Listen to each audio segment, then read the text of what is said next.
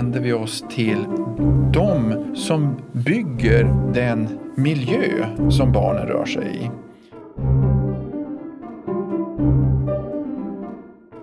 Men jag tänker, vart femte barn läste jag i Sverige har kraftig övervikt. Ja. Och det har ökat till tio gånger fler ja. än för en generation sedan. Ja. du lyssnar på Forskarpodden vid Uppsala universitet och det här avsnittet produceras av mig, Gunilla Styr. Idag pratar jag med Peter Bergsten som är läkare och forskare i cellbiologi. Kan du berätta om varför du började forska om fetma och diabetes? Då var det faktiskt två perspektiv som jag kommer ihåg att jag hade. För, förutom att ja, lära sig om sjukdomar och hur man kunde hjälpa människor så var det två perspektiv som, som jag kommer ihåg eh, Ehm, som jag gärna ville lära mig mer kring. Det ena perspektivet det var det här med forskning och eh, vad är det och hur man bygger, ja, hur man förstår saker på nytt. Eh, eh det andra var att eh, sjukvård hälsa och sjukvård ser annorlunda ut på, eh, ser olika ut på olika platser i världen.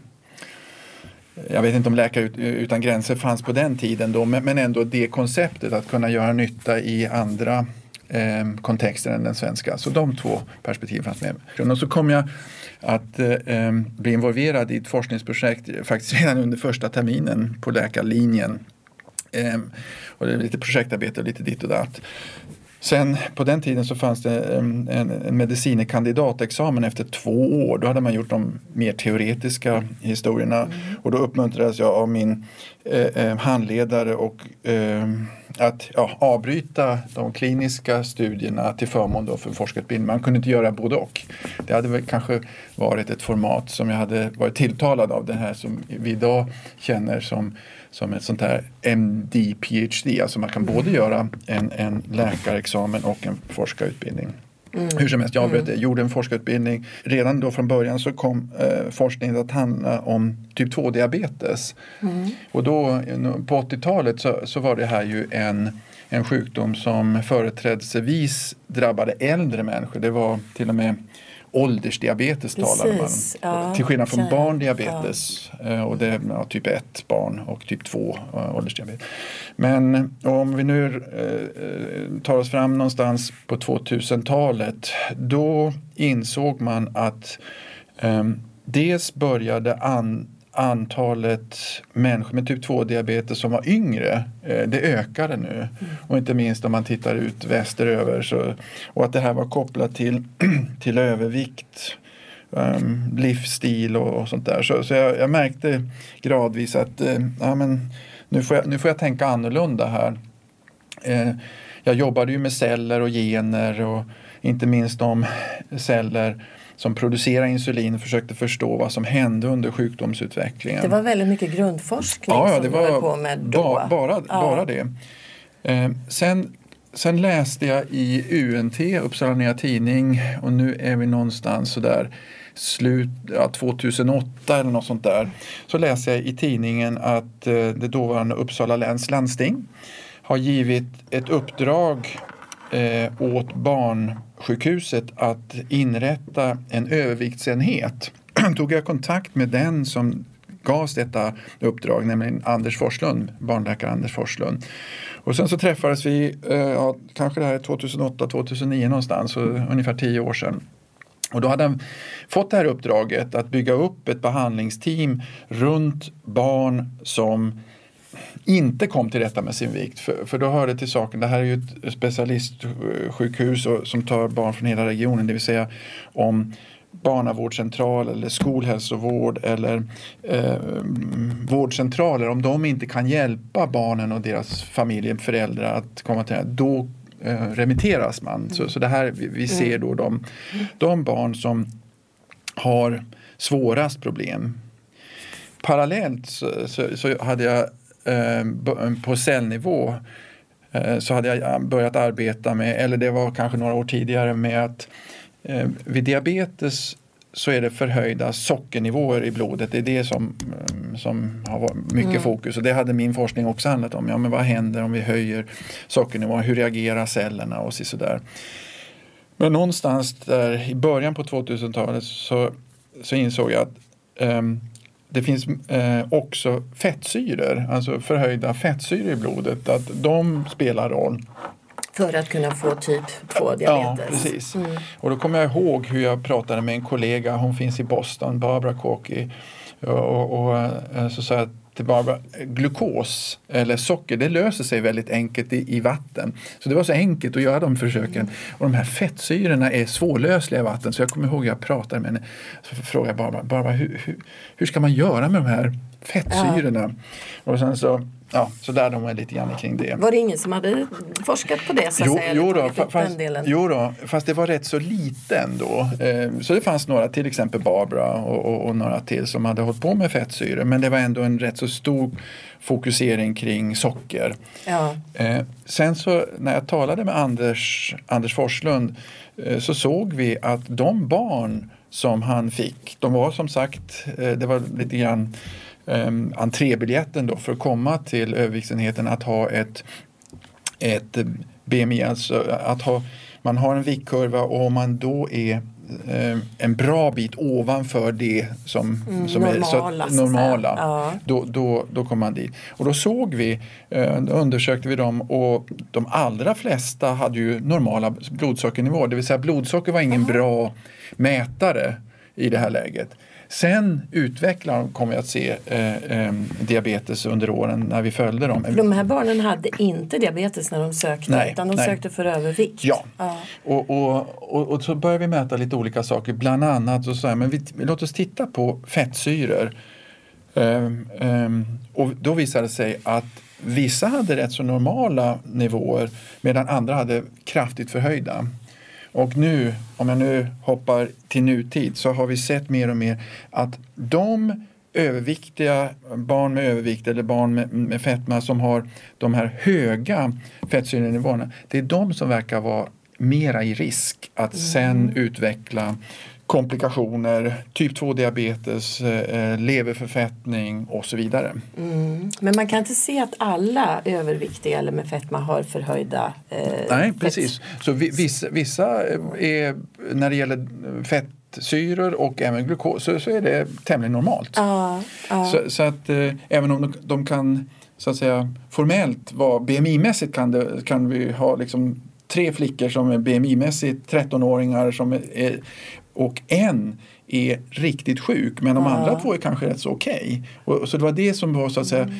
det kliniska eh, behovet. Hur kan, jag, hur kan jag snabbt få tag på henne som, är, mm. som vi måste verkligen titta på lite mer noggrant. Mm. Så det, där, och det var så roligt för Anders visade mig uppdraget eh, från, från ULL Uppsala läns landsting och det var ett antal 10-12 punkter.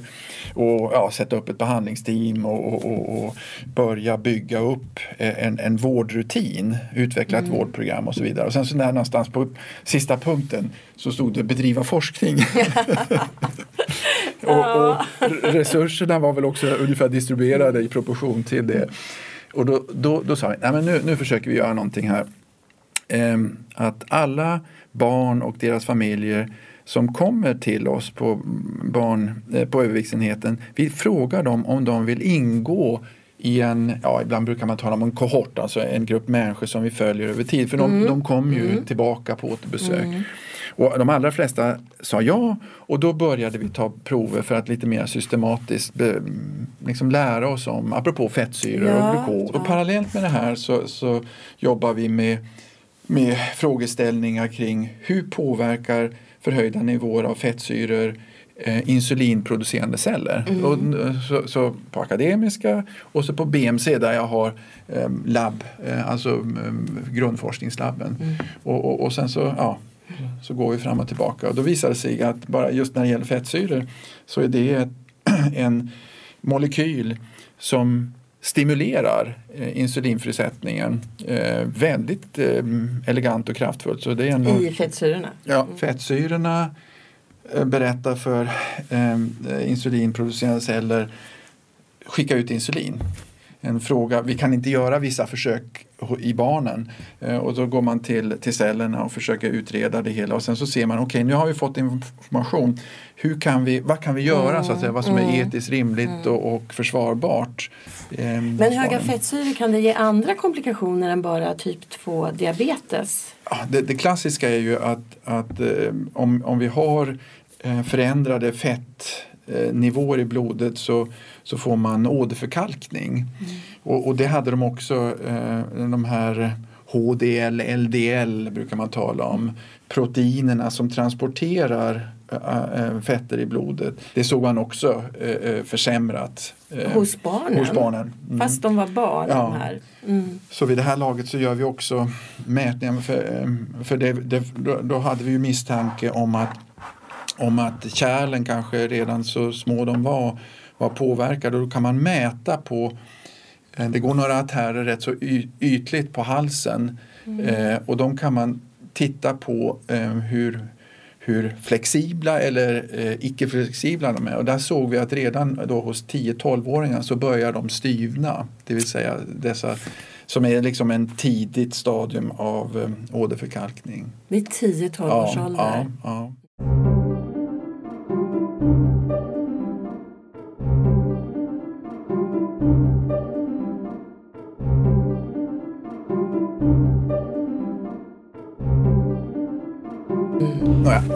Men, men, men sen, sen, hela den här kedjan då, att du är intresserad för det. Vad ja. är det som jo, har... men då, då, då, är det ett besök eh, eh som jag kommer, apropå att jag träffar eh, patienterna. Så jag kommer ihåg, och nu är vi någonstans, ja var är vi? Det, ja, det är 2011 någonstans. Eh, då kommer en av eh, de många patienter eh, hon är tre år gammal och hon kommer dit på grund av att hon, är, hon har eh, fetma. Och med henne Eh, kommer hennes mor. Och eh, det här är också en, en överviktig person. Och då blir det lite grann en blixtbelysning. Att, eh, dels det var två saker som, eh, som man såg där. Så tänkte jag, om 25 år då kommer ju den här lilla flickan må hända vara mamma till en liten flicka som kanske också utvecklar. Det vill säga, vi måste på något sätt få stopp på det här ja. så att det inte bara fortsätter över generationer. Var det här någon eh, speciell punkt? När du... Ja, eh, du märker, jag kommer tillbaka till det, ja. för det, det, var så tydligt att redan i alltså som treåring. Tre år? Ja. Um, och, och, sen så... Vad pratar vi om för extrem övervikt ja, då? Eller? Och då, då ja. som sagt, så det var det ena som jag reflekterade. Det andra som jag också reflekterade över det var att ja, men här, här försöker vi göra vi försöker förstå och sen ge så adekvat vård som möjligt. Men det är bara att konstatera att det här är jättesvårt för det här mm. handlar om levnadsmönster, bryta vanor, um, förändra. Mm. Och så säger man till, till barnet och dess familj mat, kost, mm. motion. Alltså det, det, är ju inga uh, nya saker. Och det vet man. Så handlar det om att den här familjen, eh, ofta är det ju liksom på familjenivå för föräldrarna, eh, ja, Mm. Har, har en stor del av hur, hur barnen äm, äter och hur rör sig. Ja, ehm, absolut, särskilt om man bara är tre år. Ja, då är ja, man precis. väldigt beroende. Och då, då insåg jag att men tänk om vi skulle göra istället nu för att tala med dem om egentligen saker, de är medvetna om detta. Ja. Det finns så lite um, kunskap om hur kan vi på ett bra sätt vända det här. Alltså, för, för Världshälsoorganisationen beskriver hur det bara fortsätter. Tänk om man skulle vända på det hela och säga ja, men istället för att prata med barnen och föräldrarna och, och, och så, så säger vi så här nu vänder vi oss till de som bygger den miljö som barnen rör sig i.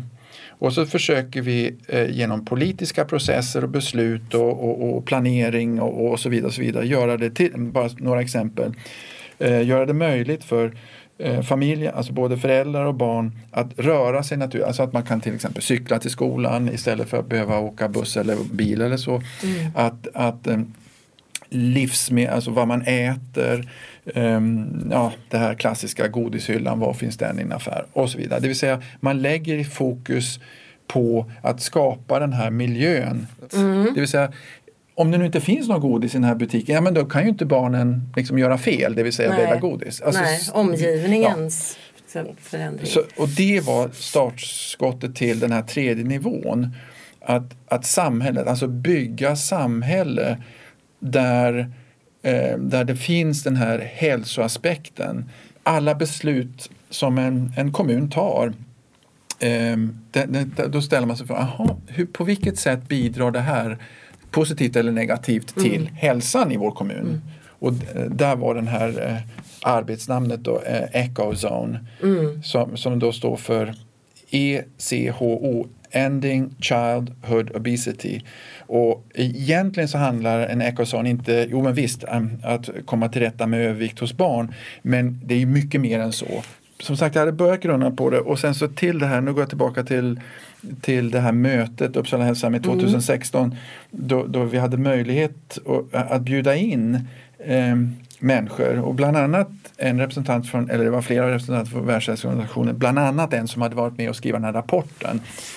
Juana Wilhelmsen som jag testade den här Ecozone. Vad tror du om det Juana? Och så sa hon, vad är det för någonting? Och så, och så tyckte hon att ja, men det, det låter väl bra. Mm. För de är glada, mm. de producerar massa rapporter och så ska vi medlemsländer naturligtvis agera. Men så bjöd jag också eh, en, en person som är ansvarig för att driva ett, ett lokalt, eller om, om, du så vill, kommunalt initiativ i en stad i Finland ja. som har låtit talas om sig lite grann. Det är en stad eh, lite öster om Vasa inåt landet, Seinäjoki.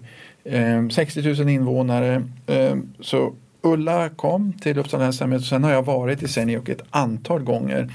Och apropå din fråga, eh, det är ett väldigt jobb de har alltså gjort det här? Ja, de har gjort försök. Ja, de har, ja precis. Ja. Eh, och man kan väl säga um, de, de, eh, hur ska vi uttrycka, de, de zoner där vi, eh, eller där, där kom, kommunen kan gå in med med auktoritet det är ju skola, alltså där, där har vi möjligheter, det är skattemedel och häl, hälsovård, barnavårdscentraler och mödravårdscentraler. Så de ställena har varit viktiga i ett startläge och så var det också i Seinäjoki. Sen så, så småningom, de har hållit på flera år, så då kommer de här andra effekterna att börja tala med livsmedelsaktörer, eh, producenter, distribu distribution och även sportföreningar. Så, så det här växer allt eftersom det blir en del av ett samhälle. Så jag talade med en lärare, vi har varit på några skolor där vid det här laget, och så pratade jag med en, hon är, hon, hon är lågstadielärare.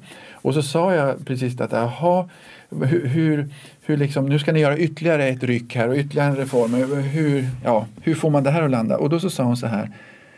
Ehm, vi har en klok rektor. Hon sa det är ingen brådska, vi tar det här allt eftersom. Mm. Och då, mm. då, då slog det mig också att det här med Ecoson, det är inget projekt utan det här är någonting som syftar till att förändra, bygga in nya strukturer. Det är inte liksom, ja i och för sig kan man säga att det är start, fast det finns liksom inget stopp. Nej.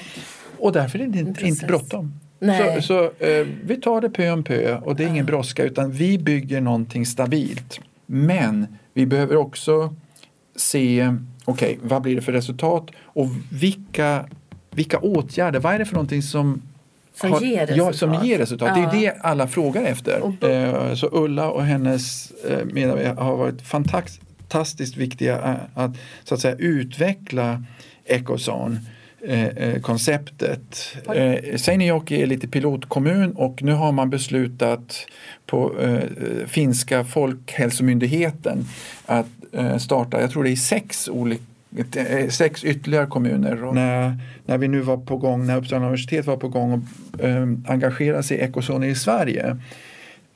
Så när det gäller de här, ja, som du nämner, skolmaten och rörelse och sånt där, det, det fattar vi att det vill vi göra. Mm. Men bygga in, vad ska vi kalla det, sätt att mäta och, och, och få grepp om processen mm. och samla mm. data det som kanske blev lite satt på undantag i, i Seinäjoki då, eller det ska jag inte säga, men, men resurserna fanns inte mm. där. Då. Mm. Inom parentes, de, uh, Ulla frågade om Uppsala universitet ville uh, göra ta del eller göra utvärderingen av de siffror som fanns. Så det håller vi på med. Vi har ju några ställen där det ja, var pilotprojekt. Ja, ja, precis. och då, Vilka ställen var det? där vi började, det, det, är tre ställen som, som är lite grann i olika delar av den här processen. Det är om vi börjar norrifrån så är det Tierp. Eh, eh, och sen har vi eh, Gotland, Visby eh, och sen eh, Värnamo. Eh, det var som när jag talar, jag har varit till kommunledningarna och regionsledningarna och så säger jag till dem, ja, men det här är alltså, det här är inget projekt utan tänk i mer än tio år. Mm. Och då reagerar ja, tjänstemännen, de, de lyssnar väl på, på politikerna, men då, så de kanske inte, men då säger politikerna, ja men det är ju mandatperioden är ju fyra år. Ja, så det, det, här är liksom, det här måste vara, apropå blocköverskridande, det här måste vara någonting som inte hänger på en viss politisk majoritet. Mm. För det är, eh, det är tänkt att bli en permanent del av, av, av samhället. Ja, men vad ska man börja med? Eh, man börjar med beslutet. Ja, det För. Så det är lite grann top down. Ja. Och sen, sen, sen börjar vi närma oss Värnamo. Och där håller vi på nu att tänka igenom vilken information når föräldrar? Alltså vad gör man redan idag? Mm. Eh, för det görs ju väldigt mycket eh, så, ska kalla hälsobefrämjande arbete. Så det håller vi på med att inventera nu i de här kommunerna. Vad sägs eh, mödravårdscentral, barnavårdscentraler och så vidare. Eh, och då är det spe speciellt ur det perspektivet, kan vi ur de samtalen ta ut information, apropå det här evidensbyggandet. Då. Ja. Sen så säger jag att förutom det så lägger vi också in möjligheter att ta blodprover från barnen. Så, så vi får ju förfrågningar redan nu om, eh, från lite olika kommuner och de har hört talas om Ecozone och liksom, hur ska vi göra? Uh. Och då så säger jag att men nu har vi tre stycken kommuner där ska vi försöka lära oss, apropå det här finländska. Jag kan tycka att det är kanske bättre att vi lär oss lite mera innan vi säger ja men så här ska ni göra för, för egentligen vet vi inte. Nej. Eh, egentligen vet vi inte, ska vi kalla det, receptet då. Mm. För det som du poängterar, vi, vi är vi kanske inte är världens, men, men alltså vi ligger rätt högt på den här mm. något eh, vad ska vi säga, det är inte så särskilt kanske kul att vara högt på den listan av, av länder som har sockerkonsumtion och därmed påföljande sjukdomar. Vi ligger rätt högt. Och det är ju så konstigt för vi är så, lever, vi är så inform, välinformerade ja, tror vi. Ja, ja. Vi, man säger att vi rör oss ganska mycket men det visar ju att ungdomar inte är särskilt aktiva. Var det 68 procent av svenska skolbarnen enligt WHO är fysiskt inaktiva. Det, jag, jag, får inte ihop det riktigt. Nej, nej, man säger... nej vi, vi, precis. Och, och, det är då som jag tänker, eh, vi lever i ett informationssamhälle och det kanske är en del av informationssamhället. Det är så mycket information så vi orkar inte. Mm. Och vi, vi, måste istället då för att informera mera eh, så måste vi jobba med att förändra samhället. Eh, och apropå mm. sockerskatt, det är ju ett sätt. Eh, och här handlar det ju lite grann om politiskt ledarskap. Eh, idag tror jag det är ingen som eh, ifrågasätter eh, tobak och, och, skatter och, restriktioner kring, kring sådana saker. Alkohol. Alkohol. Mm. Eh, kring, kring, kring socker görs mm. det ju. Så, så, att det kanske är bara att vi i en tid då det här måste eh, bli än mer tydligt och det är det, det som Um, Anders och jag och många andra försöker göra, tydliggöra hälsoeffekterna av vårt leverne. Jag tycker det verkar som att vi lägger ett för stort ansvar eh, på, på den enskilda individen. Mm. Um, det här är en svår mm. diskussion, det är mm. demokrati, det är mm. många saker men, men när, när, vi håller på att uh, bli bara sjukare och sjukare, mm. vi måste göra någonting då tänker jag. Du har lyssnat på Forskarpodden med forskaren Peter Bergsten. Följ oss på iTunes eller i andra poddläsare och kontakta oss gärna via sociala medier på hashtag forskarpodden eller på universitetets webbsida uu.se forskarpodden.